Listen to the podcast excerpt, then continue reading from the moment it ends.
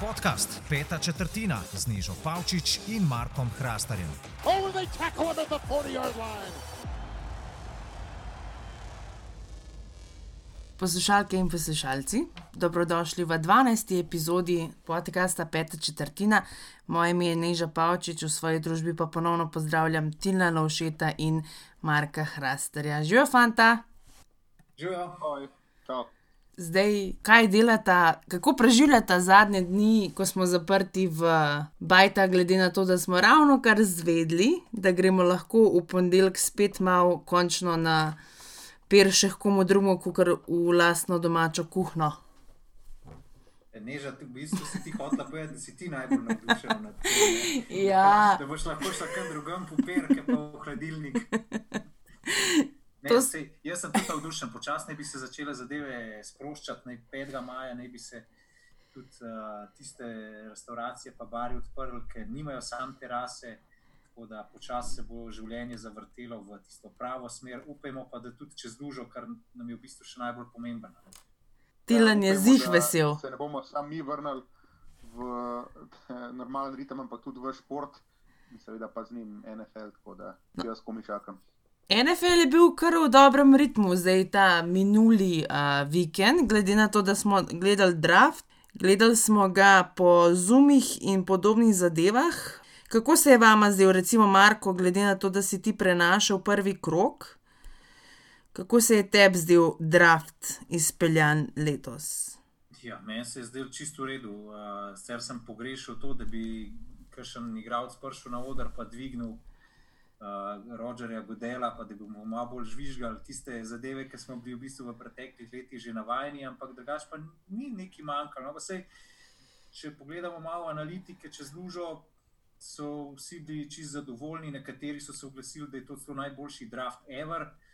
Uh, na koncu koncev sem to važno, da draft je.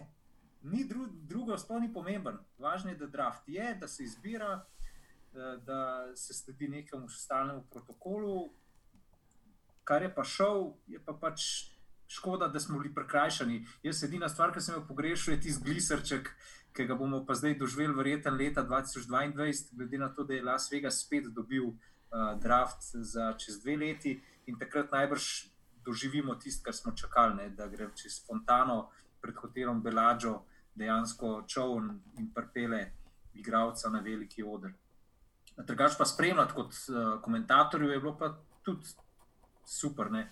Vsakič je, je to neko posebno doživetje. Jaz bom šel tako daleč, da rečem, da je to uh, top 3 prenos uh, celega koledarskega leta in Tilan, ki je bil vsako leto z mano, mislim, da se bo kar strinjal. Ja, zanimivo je eh, bilo gledati, predvsem zaradi tega, ker se je čutil, čutilo, da je vse skupaj malo drugače kot v preteklih letih. Se pa strinjam, da je vse skupaj kar dobro izpadalo. No. Smo pričakovali kakšno večjo tehnično pomankljivost ali pa kaj, eh, kaj bolj smešnega, pa na koncu sicer niti nič tazga ni bilo, ampak vseeno, draft v celoti je bil eh, kar dobro speljan, je pa seveda mogel se spet izpostaviti malo Roger Godel, najprej prvi dan lepo zrihtan, rekelc pa kravata oziroma srajca, pol že malo bolj casual, pol ta zadnji dan je sedel, mislim, da v kratki majči, tako da verjetno, če bi imel draft še ne tri ali štiri runde, bi ga verjetno videl v kopalkah, pa paputih na koncu. Ampak uh, overall, no, glede na to, kakšna je situacija, je kar dobro. Da. Mogoče bi ga videli v šlafru kot kot Henry Rex. A se spomnite, ko smo se delali norca iz tega, da bo dejansko nekdo v šlafroku in Ja, v na koncu je pa papučih. dejansko bil. Ja. Na koncu je bil Henry Rex v šlafroku. Jaz mislim, da sem ti Marko še poslala to sliko, ki smo gledala po noč. Da je dejansko res bil v tistem um, reklamnem od Old Spice. Uh, to se meni zdi, da je škoda smešen, ker res nisem pričakovala tega, ampak tudi meni se zdi, da je bilo na koncu kar v redu izpeljan po tistem prejšnjem ponedeljku, uh, v katerem smo se pol tudi mi, Marko, z Urošem pogovarjali na SK Live. Um, je meni skrbel, kako se bo to obrnilo, oziroma kako bo to zapeljano, bo ta tehnologija kos ali ne, kako bodo vse te povezave. Ampak je bilo kar v redu, no, res jaz se ne spomnim, kakšne večje težave ali pa lapsusa od kogarkoli ali studija ali kaj takega. Um, je pa res, da godelje z vsakim dnem. uh, bil bolj sproščen pred kamero, tam se je celo potem na koncu kar um, zleknil v tisti svoj fotelj in v bistvu draft pike usede iz svojega dobesedno naslanjača naznanjal. Vse po mojem, da ni bil vedno bolj sproščen, ampak je predvsem vedno bolj zmatran, ne? ker se skozi stati pa govoriti pike, te tudi otrud, če si skozi na nogah, zaradi tega je pol na ti svoj divan šel se sproščati in govoriti. Ampak uh, kar sem jaz hotel omeniti, uh, pa so oni neža, ki te prekinjam, ampak uh, da imamo malo v rumeno smer zavid. Nikoli nismo tako, pač nimamo priložnost, prav, da bi to v rumenih zadevah govorili, kdo so bili posredni zmagovalci drafta na ta način, da so navdušali ali pa nasmejali, uh, ker smo spremljali draft prvi, drugi, pa tretji dan. Za me definitivno uh, CD Lamp, ki je svojemu dekletu vzel uh, telefon, ki mu je hotla Python, pa je potem pač. Iga nazaj ukradel, drugi zmagovalec, pa za moje pojme, oče, Javona Kinloja, defensive tekla, ki je potem, ki je slišal, da je njegov sin izbran na naboru, pač kar padel z kavča, pa še potem naprej animiral uh, celo družino. No. Kaj sta vedva, recimo, izmed takih zadev opazila? Ja, jaz definitivno moram izpostaviti um, enega, ne bom rekel igralca, ampak kot si sam omenil, člana družine, igralca, ki je bil izbran, to je definitivno oče od Mikaja Bektona. Ki je, kako se to sliši, nevrjetno, še vsaj 50 kg težji kot mlajši Bekton. Uh, se je definitivno zdel, da ko je najprej, ki je slika pokazala, da je um, kaj Bekton tisti, ki stoji, pa ki smo šele dobro pogledali, videl, da se v bistvu Mekaj na, tam hita na kavču, medtem ko se njegov pač fotor objema z uh, ostalimi člani družine. In ja, sem čakal, da bo pol nekdo prejdel gor, pa šel po, še po fotra, kakšna. Pika, pa dva kasneje, ampak na koncu, na koncu ni nobeno odločeno, zgleda, da je prestrno. A nimam že Makaj Bekton, tako like 160 kg. Ja, Makaj Bekton mislim, da je tako na ur, bom rekel 320-330 funtov, se pravi tam nad 140, definitivno. Uh, Medtem, ko oče pa je tam zelo blizu 200 tica, pa vsaj 170, sigurno. No. Tako da uh, za kakšnega nov stekla izjemno pripravlja. No, Makaj Bekton, jaz sem vmes pogooglala, uh, piše, da je 165 kg. -huh. Ja, pa ko da sliko njegovega očeta zraven, je to neprimerljivo sploh. Tako da uh, njegov, njegov um, ja, fotor je uh, sila od človeka, no? ampak uh, ja, gleda, kar še let prestar, da bi ga kdo zbral v ene. No, če smo želeli pri fotorjih, ne vem, če ste opazili fotor od uh, Deandreja Swifta, tekača, uh, je pa zablestev svojimi bicepsi. Ne. On ima pa take bicepse, kot uh, jaz, trup, verjeten. Bi tudi on lahko mogoče kakšno pozicijo igral. Uh, ok, malo smo, malo, malo smo zgubili plot. Um, kam, kam nas pot vodi zdaj naprej, uh, glede drafta? Ja, ni bilo, no, jaz nisem videl nobenih zapletov, kar se tiče tehnikali. Rekli so pač, da bodo ekipom dali dodatni čas na voljo, če bi se slučajno kaj uh, zašuštrali, pa se ni. Vsaj jaz nisem videl, da bi se, da, če bo tak draft tudi kdaj v prihodnje, se ne bom branil, ampak uh, vsem bi si pa želel, da naslednje leto v Clevelandu bo pa zadeva uh, on-site, uh, ker nameravam dejansko obiskati uh, First Energy Stadium in okolico. Ja, glede danes, če smo že pri tem so objavili, kako bo, ne. Naslednje leto, da bo v bistvu draft eno, torej en teden kasneje na koledarju in sicer med 29. aprilom in 1. majem, bo pa v, mislim, da v downtown Clevelandu. Ja, ja. Jaz upam, da bo naslednji let draft on-site, ker letos, glej, prej sem nekaj gledala za tale draft in prav piše location of the draft, ESPN headquarters, torej Bristol. Connecticut. Dajmo iti na sam draft. Uh, vedno se po teh draftih, free agencyjih, whatever, naredi nek tak winners, losers. Tako da me zanima, predvsem vajen pogled, kdo so bili recimo winners, pa kdo losers. Dajte mi vsak dva, dva winnerja, pa dva loserja. Jaz bi rekel, da imamo veliko winnerjev, lahko pa veliko loserjev.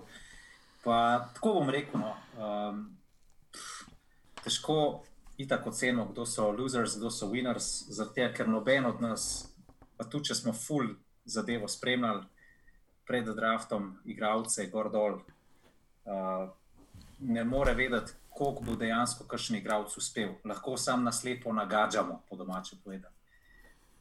Uh, bomo se pa valjda dotaknili tega, koliko nam je draft od kakšne posamezne ekipe všeč. Ne? In meni osebno je recimo zelo všeč to, kar so naredili Cowboysi. Imeli so pač neko normalno število pikov. Jaz, ki sem se pripravljal na draft, sem si izpisal skupaj s mojim kolegom tako 65 prospektov. In zdaj več teh prospektov, ki so bili nekako projicirani za prvo ali pa drugo rundo, je bilo na spiskih teh ekip, ki so draftale. Bolj mi je bil pač ta njihov razred všeč. Kar me pa pri Kabojsih zelo pač pozitivno na tem naboru, je pa to, da so vzeli, po mojem mnenju, najboljšega novilca, uh, CD Lemba, ki sem jih dal še mogoče močkam pred Judija Paragsa. Vzeli so tudi en, po mojem mnenju, veljo cornerbacka, brata od, od uh, Stefana Dixa, se pravi Trevona Dixa. Uh, vzeli so Gelimorja za defensive tackle, vzeli so celo enega igralca, ki mu napovedujem, da bi utegnil biti mogoče celo njihov starter na centru, Tyler Biadas, uh, pa, pa še recimo Kotrbeka, da mečkam dajo, uh, uh, da ko presko tu pač nek pritisk, da bo pa moral dobro odigrati v naslednjih letih Bena Dinučija. Zdaj, če bi se moral odločiti še za samo eno franšizo, bi rekel, da so letos prosperirali na draftu tudi Vikingsi, na vse zadnje so imeli mislim, da 15 pikov. Zdaj, če imaš 15 pikov, boš verjetno vsaj pet takih igralcev uh, zbral, ki ti bojo med tisto 53 terico, ki bo začela sezono. Uh, vsaj lepše izglede imaš, ne, zato, da se to zgodi.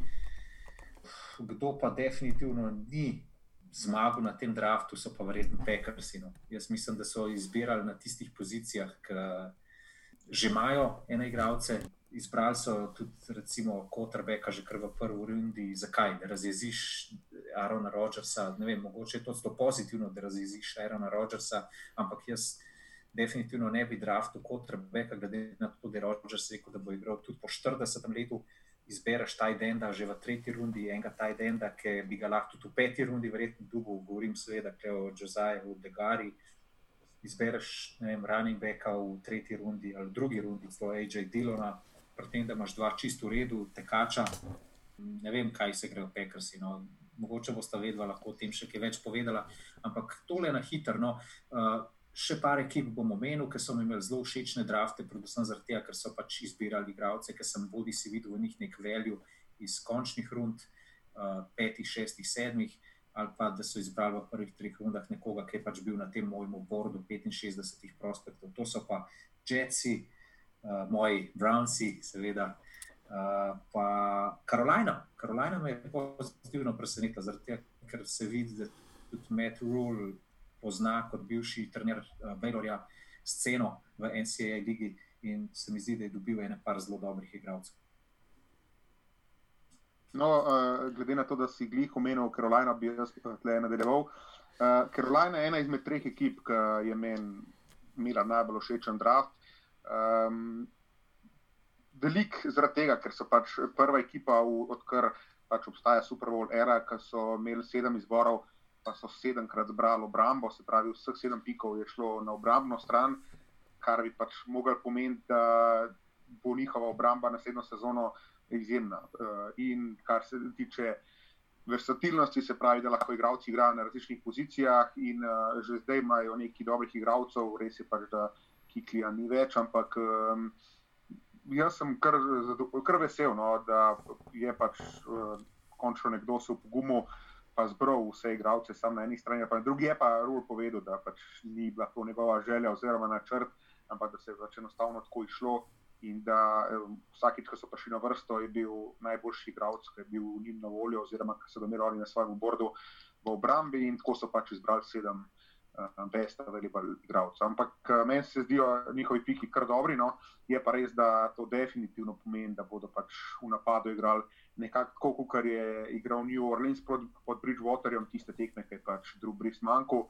Se pravi, vse skrbel na zihar varianto, pa zelo, zelo veliko uh, porabe Kriščana McCaffreya, tako da zdaj že en hin za vse, ki igrate fantasy, Kriščan McCaffrey zelo verjetno bo, oziroma se splača biti prvi pik na fantasy draft vse v septembra 2019. Ampak um, ja, no, v napadu bodo verjetno igrali tako, obramba pa zna biti njihov močnejši člen. Da, uh, jaz mislim, da, da bo Carolina no, kar dobro igrala, vsaj kar se obrambe tiče. Naslednja ekipa, ki je mene zelo um, tako, bom rekel, prepričala, sicer ne samo um, kvantiteto naborov, ampak bolj s kvaliteto. V vrhu so San Francisco 49ersi, ki so pač popili vprašanje defensive tekla, ki so popili vprašanje wide receiverja, pa ki so med draftom tradili za Trenta Williamsa, ki bo pa zdaj uh, na domestu Joea Stelija na položaju levega tekla. Tako da pač videli smo že lani, San Francisco ne rabi veliko, uh, ne rabi 10, 12, 15 igralcev, tudi v svojem moštvu, rabi pa pač 2, 3 playmakerje. In mislim, da je San Francisco prav kar dobro delano. Tretji so pa pač ena dobra ekipa, uh, Baltimore Ravens. Za Baltimore Ravens pa nimam nekega posebnega razloga, zakaj se mi zdijo, da so dobro pikali, ampak tako. No, pač, uh, večino igralcev, ki so jih vzeli, so, uh, imajo zelo velik potencial. Da, um, glede na to, da so Ravens že zdaj ena izmed najboljših ekip, mislim, da bodo tudi naslednjo sezono definitivno prvi. No, kar se pa tiče tistih slabih izborov, oziroma ekipe, ki so zbirale slabo, uh, bi se pa sam izognil pekarsom, zato jih pač vsi umenjajo. Ampak predvsem zaradi dejstva, da so enkrat že naredili nekaj podobnega, kar so naredili letos. Seveda, tu mislim pač na kombinacijo Brad Farf in uh, izbor Aaron Rodgers, pa se mi to na koncu zelo dobro išlo. Druga stvar, ki je pač tudi, oziroma ki jo jaz gledam, kako tisti prvi vrh, pekar so tudi zadevo vidijo, je pač to, da oni morajo zadevo graditi tudi na naslednjih 3, 5, 10 let. Pač res je, imajo Aaron Rodgersa, eden izmed najboljših, ki ubijajo na spohu v zgodovini in bi pač lahko šli zdaj all-in, mu probal uh, spraviti skupaj še 3-4 dobre igralce na padu, kakšnega obrambi pa pač zmagati na slovo, ampak uh, vsem prišel bo čas, ko tudi pač Aaron Rodgersa več ne bo v Green Bayu in nikjer ne piše, da lov ne more biti tako, tako uspešna zgodba, kot pač uh, je bil enkrat Aaron Rodgers. Zelo verjetno ne bo, ampak um, dajmo se posti presenetiti. Tako da pekar se bi jaz spustil.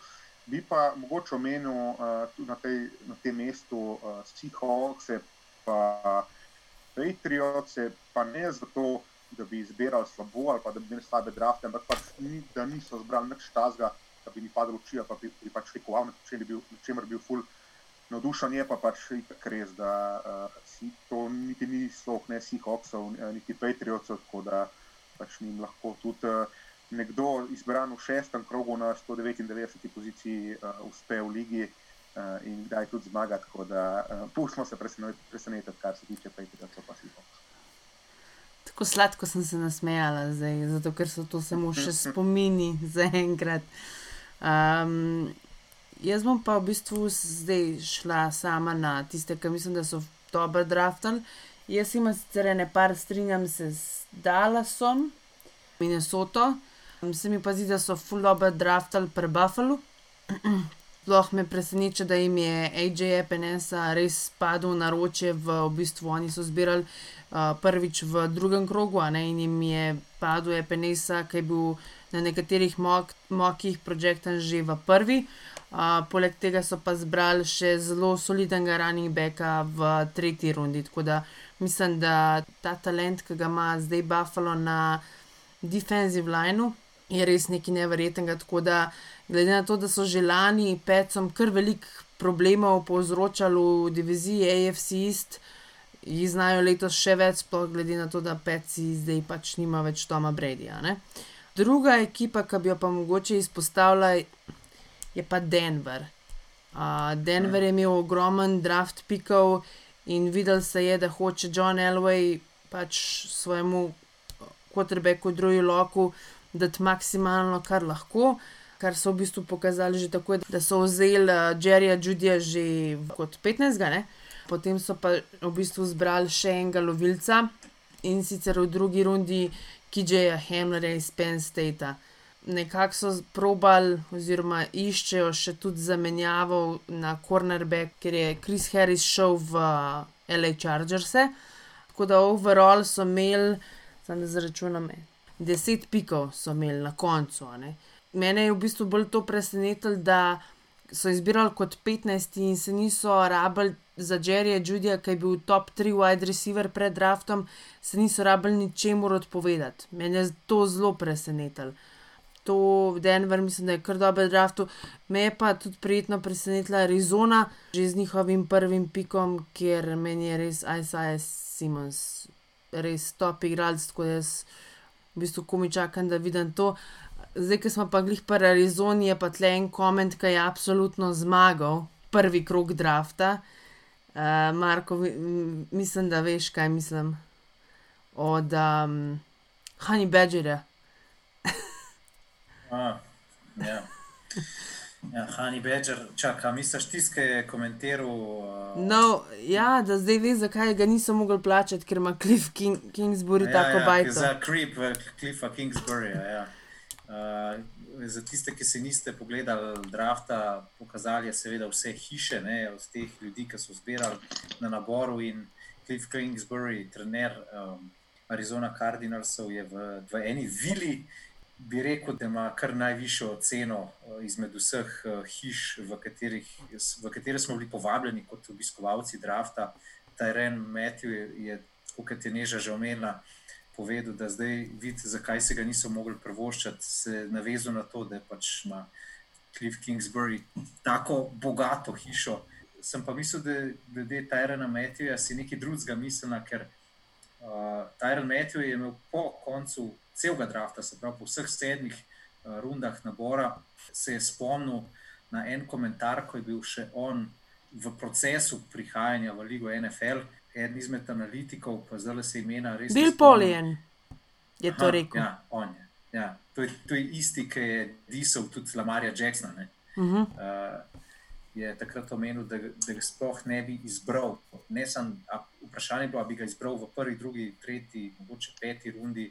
Je rekel, da ga sploh ne bi izbral zaradi tega, ker tak igralec ekipi ne doprinese čist nič dobrega. Ne? Zdaj pa pač Tyron Matthew, uh, svetovni prvak in se lahko široko usti. Ne? In je retvital tisti star uh, posnetek in kot rečejo američani, he rubbed into his nose. kako. Ja, ampak Tyron Met je bil takrat čisto en drug človek, kot je zdaj. To moramo tudi vsi vedeti. On je takrat direkt v ligo prišel, pol leta prej bil na rehabu, tudi ni bil tak, kot je zdaj. Zdaj je malo bolj odrasel. Imamo spucano glavo. Ja. Ok, zdaj smo malo spet skrenuli s puta, jaz bi rada šla nazaj in se bom v bistvu pridružila kar tebi, Marko, v tem, da bi dala en klasičen D. Packersom za njihov draft class. Razumem tudi v bistvu Dej to. vsaj D. Plus, no. Ne, kar di bom dala, di mi je taka lepa črka. Uh, razumem Tilnovo mnenje glede Packersov, da se trudijo tudi pripraviti na življenje po Rogersu. Ne? Ok, nekako to še razumeš, ampak ne razumem, da so imeli potem tudi v naslednjih rundah možnost vzeti enega wide receiverja. Zdaj smo že zanč omenjali, da je wide receiver klas letos bil tako dober, da bi lahko tudi v drugi, tretji rundi ti dobil enega igralca, ki recimo s tvojo ekipo dvigne ali pa nek, no, nek nov veter prinesel tej ekipi, ampak se za to niso odločili in meni je to bolj. Mot, bolj kot to, dobro, mot me to, da so, dra, da so tradali gor za Jordana Lava. Ne vem, če je zdaj nek tak res ekstra dober prospekt. Ja, se bo učil od Aerona Rodgersa, kar je zihar en top 5 franšiz v ligi, kjer se lahko ti učiš od quarterbacka pred tabo, ampak to, da v pa naslednjih rundah niso dali niti enega wide receiverja, zbrali so dokaj poprečne tight ende. Jaz bi rekla, celo slabe running, celo zelo slabega running backa, mislim, zelo slabega, slabšega running backa so zbrali. Plus, glede na to, da je Aaron Rodgers leta 2018 podpisal novo pogodbo, ko so jo leta 2019 prestrukturirali, kar pomeni, da bo verjetno vsaj do 2023 ostal član Packersov. A boš imel zdaj ti enega mulca, ki se bo štiri leta učil za Rodgersom, zdaj ne kaj boš naredil. Ja, treba je misliti na življenje potem, recimo peci, ne. niso, po mojem mnenju, dosti razmišljali o tem. Ampak, oziroma so pa je pol prišla ta Bradyjeva odločitev, da bo še igral toliko časa, zato so Jimmyja tradili. Ampak res edina ekipa, ki si po mojem mnenju res zasluži, si pa recimo tudi ene pare zasluži tak C, uh, jaz mislim, da Houston Texans, Tennessee, mogoče celo Jacksonville. No. Moj tudi Las Vegas. Ni, Meni se zdi tako, bom dal svoje mnenje glede bivšega Oaklanda. Ser niso imeli prav veliko pikov, ampak uh, recimo zbrali so v prvi rundi Henryja Ruggsa, ok, s fantomično robe, ampak se mi zdi, da bosta in Judy in, in CD Lamp pokazala v ligi več, da sta bolj pro-redi. Uh, Henry Ruggs ima hitrost, je bil najhitrejši na, na kombajnu, na 40-yard dashu, ampak sam bi dal Lembu, pa Judiju vsem prednost. Pa tudi pol, recimo, ki so v prvi rundi imeli še tisti svoj drugi pik, so ga strošili na Demona Arneta, ki je cornerback iz Ohio State, igralec, ki ima zelo velik išil z uh, obnašanjem. Prvo to, drugo pa se mi zdi, da so imeli vsaj dva cornerbacka na bordu, ki sta bila pač kako, po kakovosti pred Arnetom. Uh, tako da jaz tudi Raidersom bi dal, ker sem prej dal negativno ceno samo Pakersom. Veste, kaj me zanima? Mene zanima, da ti niža si že omenila AJ-ja Epeneso, da, da je tvoj stil tega drafta za Buffalo. Tilan, kaj pa ti, kdo je bil pa za te, recimo, stil? Lahko tudi rečeš, koga je bil v tretji, četrti ali pa peti rundi izbran, pa si ga pričakoval uh, veliko prej, da boš v zborda. Ja, um, vsak let se zgodi, ne, da par uh, igralcev, ki jih pričakujemo v prvi rundi, pa pač pade v drugo, ali pa včasih se zgodi uh, v tretjo. Zdaj, tako, da bi za nekoga um, rekel, da sem res vesel, oziroma res prepričan, da bo nor stil v kasnejših rundah. Uh, tako posebej nimam nobenega tazga igralca, se mi pa recimo zdi um, zelo dobro, da so Giantsi dobili recimo Xavierja McKinneyja v drugem krogu, glede na to, da je bil.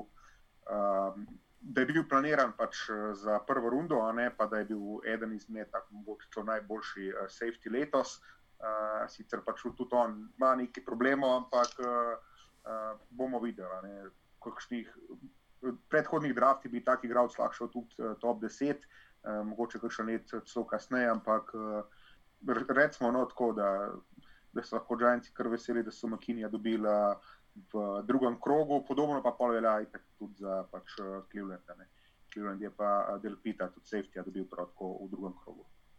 Ja, pa v bistvu Brownsi so še večji stil, po moje, pobasali z uh, Elliotom, ne. ker um, Jordan Elliot, uh, defensive tackle, ki so ga zbrali v tretjem krogu, je bil na Pro Football Focusu najboljšo oceno. Od vseh defensive teklov na celotnem draftu, lanski sezoni. Vem, mislim, da je 92,1 ali nekaj takega. Tako da Brownsi so imeli tako po poročanju kar pre nekaterih medijev ene par stilov, se pravi Delpit, Elliot, pa tudi tale Tident, uh, kaj že Harrison Bryant, ki so ga zbrali v četrti rundi, da nekateri primerjajo z Gregom Olsonom, zdaj ok. Pač primerjajo ga, ne? zdaj ni, ni rečen, da bo Greg Olson, ampak če so Brownsi, ki je zelo močni po tem draftu, pa je to pozicija ta idenda. Imáš Džokoja, ki je zdaj exercise v peto, mislim, ta 50 option, Hooper, ki je prišel, polje pa še Bryant, kar v bistvu se lepo dopolnjuje v, v schemo Kevina Stefanskija. Kar sem jaz hodila povedati, ker si omenil Granta Delpi, da se v bistvu strenjam s tem, da je tudi stil, tudi on je bil v bistvu tam nekje skozi vesel v koncu prvega kroga. Meni se zdi tudi ogromen stil CD Lamb, ki je bil na 17, ki še kar možen. Če se spomnite, takrat smo v bistvu enkrat in edinkrat vsi trije draft delali skupaj. To sem se prav spomnil zaradi te 17, ki je bil Dervin James tudi takrat dosegljiv na 17 in so ga LA Chargers vzeli. Tako da jaz mislim, da za Dallas Cowboys oni niso rabili načeloma wide receiverja, ampak zdaj recimo, ko se bodo uspeli z Dakom zmeniti, imaš pa ti Daka, Zika, Amarija, pa Sidija Lemba in bojo res ful, ful, ful, nevarni, po mojem, v tem ne enem svetu. Jaz načeloma, jaz načeloma mislim, da ja, pa še gelo, pa tako mhm. -huh. prav Tilen. Jaz načeloma sem stoprocenten. da Dallas Cowboysi niso nameravali vzeti wide receiverja, ampak je pa tam prišel, ne vem, kaj so bili 16 ali 17, pač CD Lamp, še zmer na bordu, so pa rekli, počakajte, fanti, kako je to možno, da bo ga vzeti, mislim, kaj se sploh tu pogovarjamo. CD Lamp, pač za moje pojme, je res najboljši wide receiver tega razreda. In tukaj so pač Dallas Cowboysi klasično odigrali talent, talent over uh, need. Čeprav bi v tistem trenutku mogoče celo bolj potrebovali uh, Kalejvona Chasona, ki je bil na vseh bordih, oziroma na vseh mock draftih, najbolj logična izbira v prvi rundi. Ampak tukaj zelo pozdravljam to potezo uh, front officea od Cowboysov. Sem tudi med draftom rekel, no, igralec, ki mi je zelo všeč, gre v franšizo, ki mi ni tako zelo všeč. Who even likes Dallas Cowboys? Moje, da imaš kaj še navijače. Dej, uh, dejte se nam vsi navijači Dallas Cowboysov iz Slovenije oglasiti, no, ki poslušate ta podcast. Če vas je kaj, ali pa tisti, ki poslušate. Tempo je ne vsi naenkrat.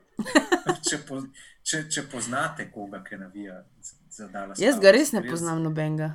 Jaz, jaz ne poznam niti enega, ki bi navijal za Jaz poznam Luka Dončiča. Dobro, A, Luka Dončić je preseljen, da. Dallas Cowboy fan. Dallas, hej, On Luka je Dončić. prisiljen, da Ja. je Cowboys fan. Luka Dončić navija za Mahomesa in Kansas City Chiefs, no, po moje. Ja, Razen, ko grem na tekme od Dallas Cowboys. Razen takrat ima adres od Zika Eliota, po mojem. Ja. Imamo pa novega quarterbacka v New Orleansu in sicer Jamesa Winstona, ki se iz Tampe seli k divizijskemu tekmecu Sencem. Vajno mnenje glede tega podpisa. No. Za eno letno pogodbo gre. Moj, moj not so bold prediction je to, da bo Taysom Hill dobil več snapov v sezoni 2020 kot Jame- James Winston.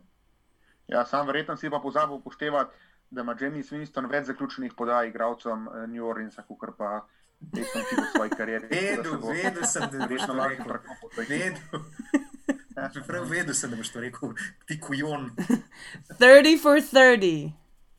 Ja, Ja, neč kaj, sej, če, če se Breeze poškoduje, pač gre kreb leg noter in to je to. Sam vprašanje, koliko bojo kaj prosperirali z Winstonom. Let's not. Ja, No. ja, jaz, mislim, jaz mislim, da to niti približno ni tako dobra rešitev v izvedbi backupa, kot je bil Teddy Bridgewater. ampak a lahko zdaj pol že rečemo na tistem draftu, ki sta, brez, sta brezbrana, Winston pa Mariota, da je pač eh, bil to bast in za Tampo in za Tennessee, glede na to, da ne Mariota, ne Winston nista več starting QB v ligi. Jaz mislim, da je Winston večji bast, zaradi tega, ker Mariota je vsaj kaj zmagal v končnici. Recimo, ne. Winston, kar vem, niti v končnico ni prišel. Tam pa ni bilo v končnici eh, od leta ni pa 2007. toliko Velika razlika. Ja, ni pa tako velika razlika, da bi zdaj rekel, da je bil pa Mariota noro uspešnejši od Mista. Ja, sej, pomoramo potegniti nekje ločnico, kaj bast. A je bast to, da nikoli ne prideš v končnico, a je, to, da, a je bast to, da prideš Ne, v končnico, mislim- pa samo eno tekmo zmagaš. Ja, jaz eh, nisem mislil bast v smislu uspeha ekipe, ampak bast v smislu tega, da, da so oboje vzeli podajalca, za katerega so pač verjeli, da bodo 10 plus let v, v ligi, eh, oziroma v klubu, pa da bodo starting in QB, zdaj pa sta oba zgubila starting mesto. Pač en sploh ni več pri Tampi, drug je, oziroma pri ekipi, ki ga je draftala, drug je pa izgubil eh, mesto p, z, proti Rajnu Tenhillu, ki je sicer letos bil nor, ampak um, oziroma lani zdaj že uh, pač izjemen, ampak vseeno ni zdaj, da je prišel v klub, ne vem, Aaron Rodgers ali pa uh, Lamar Jackson, pa je proti njemu izgubil mesto, ampak proti ne. Tako da uh, tudi jaz bi sam ne bi dal dosti več bonusa Marioti, kot v Istu, kar se tiče tega, a sta basta ali ne, ampak se pravi, ne, ne toliko v tem smislu, kaj ekipa pod njima naredila, ampak tudi v tem smislu, da pač nista več startni. Oba sta še razmeroma mlada, nista zdaj stara 33, 35, da bi zaradi tega izgubila mesto. Jaz mislim, da o Bastu zelo težko govoriš, dokler ni mogoče pač res konc karijere nekoga. Sej omenila sta že Rajna Tenehila, ki je v Tennesseeju lani se čist preporodil potem, ko je bil v Miami že odpisan in tako naprej. Tako da očitno se niti Tampi, niti Tennesseeju te dva njihova pika nista pač posrečila, zdaj lahko, da bosta vem, spremenila okolje in da bo šlo na boljše. Ampak ne vem, glih, koliko bosta, ko bo katerkoli izmed njih dobil priložnosti za drugim brisom oziroma Tejsomom Hillom, je težko dobiti priložnost in potem pač Marijoto. tudi. Je pa v bistvu že jasen, da, ni, da niso niti Tampa, niti Tennessee nista v bistvu prišla do tistega cilja, oziroma ni se jim izpolnila tista želja, ki sta jo takrat imela za tisti draft. Je pa zanimivo, da pri Marioti pa v Winstonu tako čakamo, zdaj počakali smo šest let, da smo ocenili, da sta bast, da sta pol basta. Ne vem kaj, pri Miču Trubiskiju ne rabimo niti tri leta, da vidimo, da je pač no go. Ne. Zdaj so priključili v Chicago, Folsa in jaz bi celo rekel, bom napovedal, da bo Fols dobil starting job pred uh, Trubiskim, če bo seveda zdrav. Ne. Za nekatere igralce to hočem povedati, rabimo pač malo več let, da vidimo, ali so real deal ali ne, za ene rabimo pa ne vem, dve, tri sezone. Zdravje. Zdravje. Hvala. Zdaj, ki smo želeli pri tem free agencyju, um, kaj se sploh še dogaja, oziroma kaj se bo zgodilo, že Devijo, Klavni, čakamo, a bo uh, podpisal, s kom bo podpisal, čakamo tudi, da bo šel Cam Newton v New England. Uh, zdaj, Neža, kdaj ti pričakuješ, da se bodo te zadeve izkristalizirale?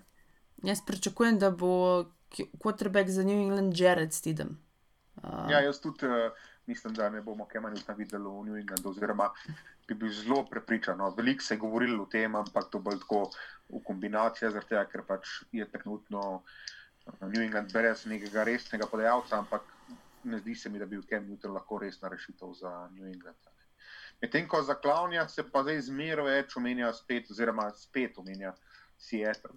Ne. Seattle je bil tako skozi, recimo, temu prvi kandidat, um, pa spet zdaj, nekako njihov draft ni bil najbolj prepričljiv, spet um, z Jadivijem Klavni, tako da jaz imam kar nekak feeling, no, da se bodo uh, Seahawksi pa Klavni na koncu zmenili, pa da bo začel v NFC West um, Klavni letošnjo sezono. Ok, kaj pa Cam Newton? Kje bo pa on? Ja, Cam Newton je pa zdaj nekako uh, kar izgubil neke resne destinacije. Če smo prej govorili pač uh, New England, ki smo zdaj že pač rekli, da se nam nekako ne zdi resna možnost. Je bila recimo prej uh, ena možnost Los Angeles Chargers, pa so tudi pač oni zdaj vzeli QB-ja. Pa um, Miami ima QB-ja, pa Cincinnati ima QB-ja, ki ga je sicer pač imel tudi prej, no, solidnega. Ampak um, tako, no, zelo zanimivo bo. Oziroma, jaz imam kar nekakšen uh, feeling, da bomo presenečeni, ne glede na to, kam bo šel Ken Newton, da bomo na koncu tako, wow, zakaj pa je Ken Newton šel tja, oziroma kako da so ga tam želeli meta. Tudi, uh, recimo, um, Washington se je omenil, pa ima zdaj Washington pač Elana, pa Heskinsa, tako da tudi tja verjetno ne bo šel. Uh, In, ne vem, sam trenutno nimam destinacije za Kema Newtona. Čeprav mogoče Washington še nekako izmed teh ekip, ki si jih naštel, ampak zaradi tega, ker je Ron Rivera tam. Jaz Ja, vidim. Rivera je zdaj dobil Elena iz um, Caroline, ne, tako da je v bistvu to njegov tisti ex, ki bi bil prej um, Riveri oziroma pod Rivero. Ok, fair enough. Ja. Ne vem, Ja, tudi jaz se strinjam no, s tem. Haskins mislim, da bo vsem prvi, prva izbira pri Washingtonu. Ja, vsaj, vsaj to bo, sezono ampak- bodo probali no, z njim. Ampak jaz neki, iskreno povedano, nimam veliko upanja v Heskinsa. No. Jaz tudi ne. Jaz tudi ne. Uh, mislim, da bodo sicer Heskinsu še dali malo šans, ker mu pač ne, ne bo še na to, da prospektom. bo To šele druga njegova sezona, v bistvu prva resna, v tem smislu, pač, da bo starter. Pa tako, ne. Vsaj pač na začetku sezone, tako kot je rekel Marko. Ampak um, ja, no, sam priznam, da bi bil presenečen, če bo Heskins uspel v NFL.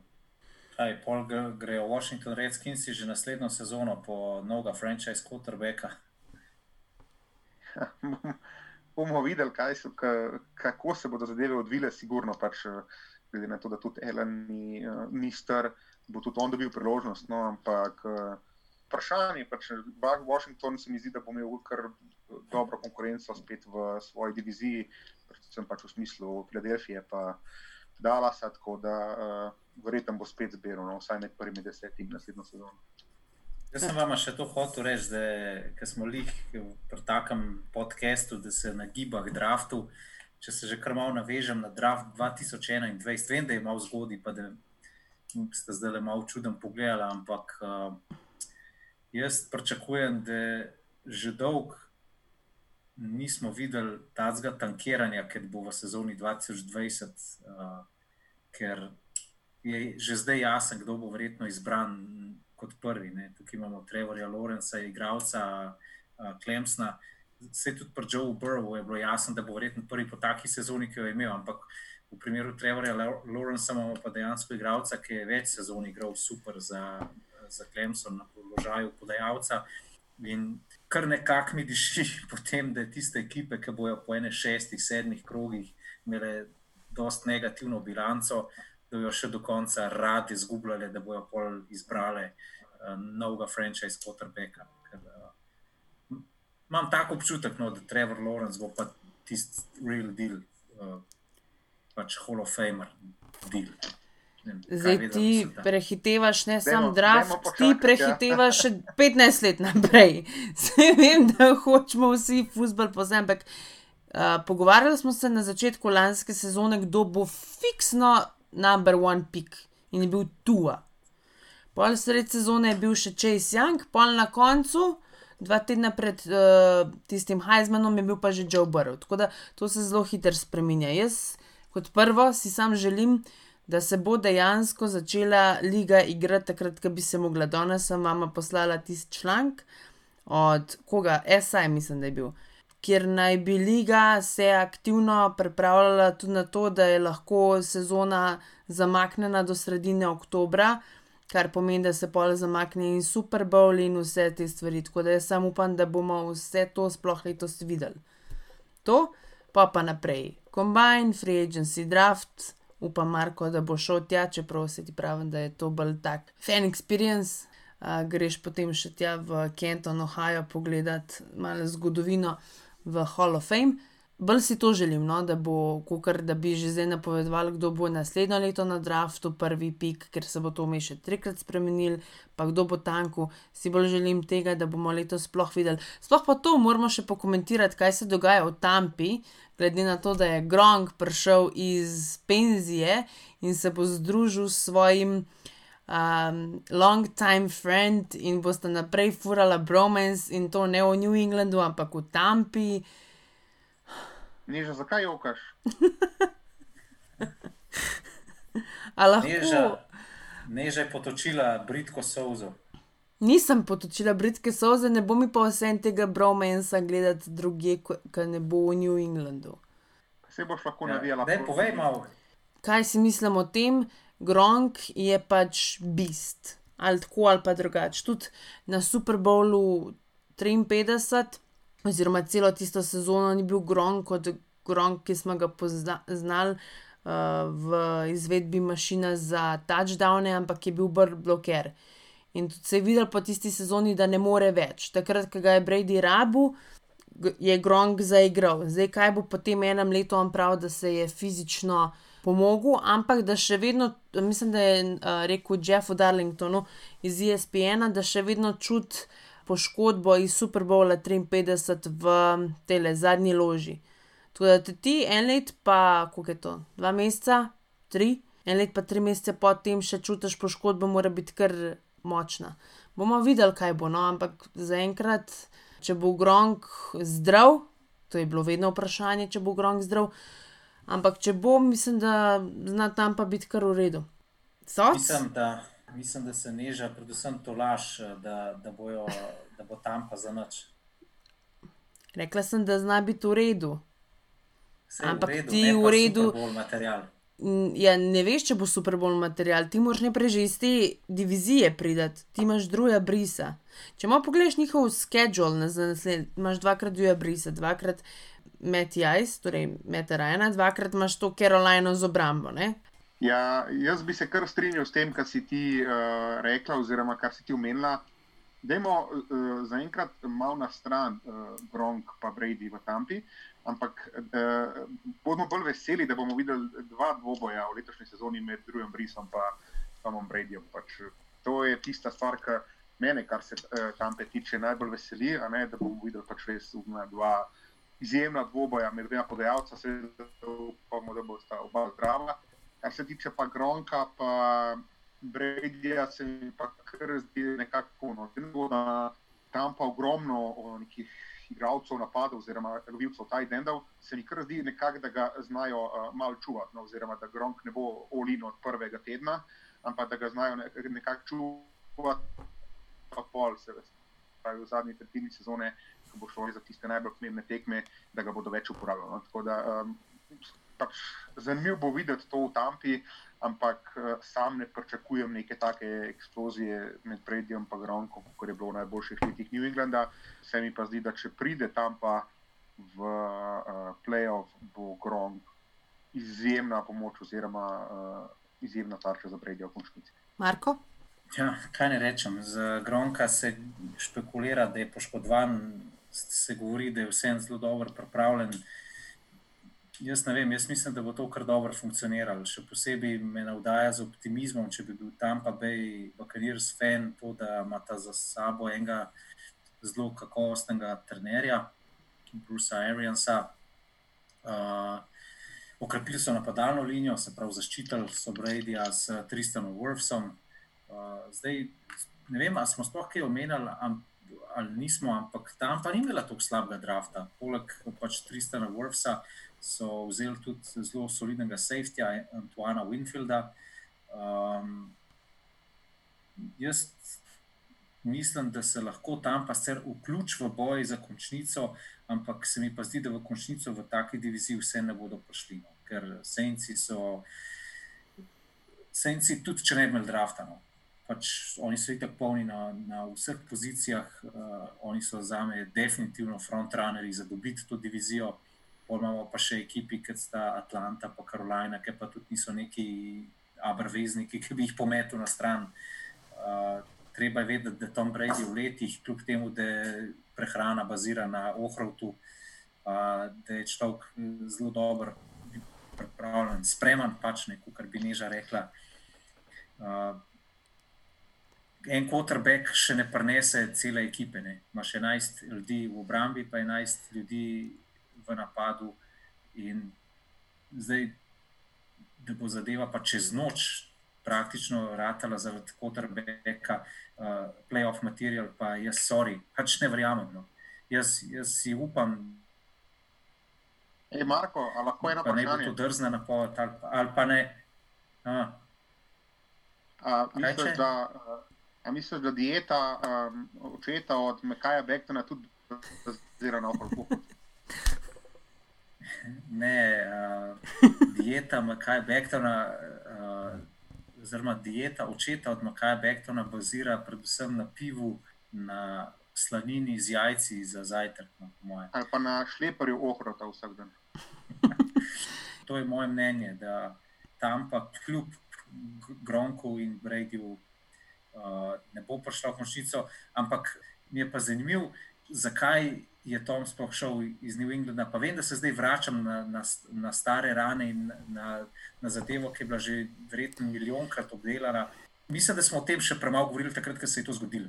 Uh, Belčik pa Brady, ne? se pravi, zakaj ne morete več naprej delovati? A je, a je to fora v egotu, bila pa Toma, da hočete pokazati, da vsak sam zmore narediti ekipo, ki bo prišla v playoff, ali zakaj se je to zgodilo, ali je tukaj denar v sred, ne vem. Je pa, po mojem mnenju, zdaj in ena stran, in druga stran oškodovana. Se pravi, da v sezoni 2020 ne bomo videli niti Tampe, niti New Englanda v končnici. Pa, ne vem, me zanima vajno mnenje. Jaz mislim, da je to spet prezgodaj govoriti. Um, zaradi tega, ker zdaj se bo še veliko dejavnikov, recimo, oblikoval, ekipe, uh, stvari, mora, mora se vedeti urnik, pol poškodbe med sezono, kakorkoli. Zdaj, če že delamo nek napovednik, kdo bo v sezoni, pa ne zato, ker jaz simpatiziram s Patrioci, ampak mogoče dam pecem celo več možnosti. Da bodo prišli v končnico, glede na to, da je um, AFC slabša konferenca, torej z manj kontenderji, kot recimo NFC, uh, Pa tudi um, mislim, da bo taka neka generalna ideja o pecih letos zelo slabša.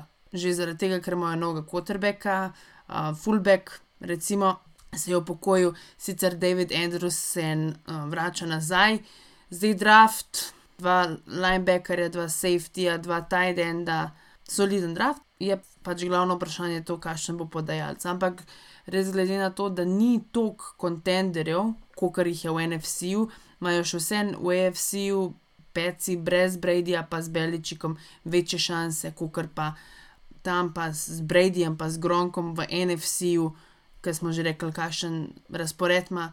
In jaz mislim, da tam pa, če se bo borila za končico, se bo absolutno borila za wild card, ne bo se borila za vrh divizije. Tako jaz mislim, no. lahko da se spremeni, pa da me Tomi demantira. Ampak mislim, da je nekako za sence, pričakujemo, da je oddano tisto prvo mesto v diviziji, potem pa vse vemo, kako je v NFC-u. NFC West bo letos, po mojem, res premešan, sploh s tem, kako je Arizona poslovala. Ne? Imaš ti že spet tukaj eno ekipo, potem imaš ti NFC North, Minnesota, recimo, je dobro draftala. Je, to je tako, mislim, Green Bay, ja, Minnesota, NFC West smo rekli. Arizona, San Francisco, Seattle.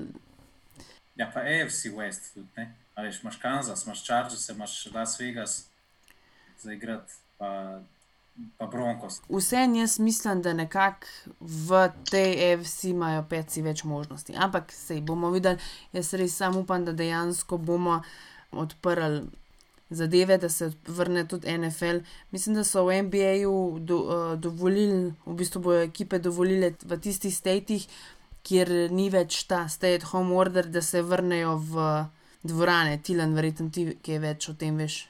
A kar se tiče NBA. Ja. Ja, pač uh, NBA ne bi se zdaj počasi začel odpirati, neki se ugiba, da ne bi že uh, okoli 8.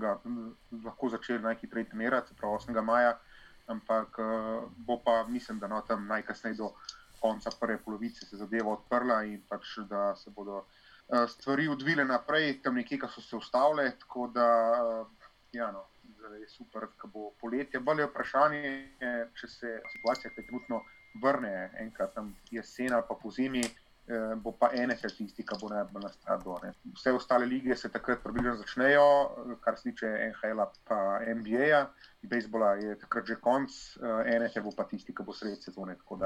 Upamo, da se ta zadeva ne ponovi konec leta. Ne. Bomo videli, upam, da, res, da bomo izpeljali sezono tako, kot uh, smo si zamislili. Naslednji teden pa je prideven razpored z vsemi rezervami, tako da kmalo se bo vedel, kaj liga v bistvu pričakuje, no, nekako ali pa planira, da bi bile možne rešitve, če gre spet vse jesen, tako kot je šlo zdaj. Pri tem draftu je full velik poudarek bil tudi na tem, da so.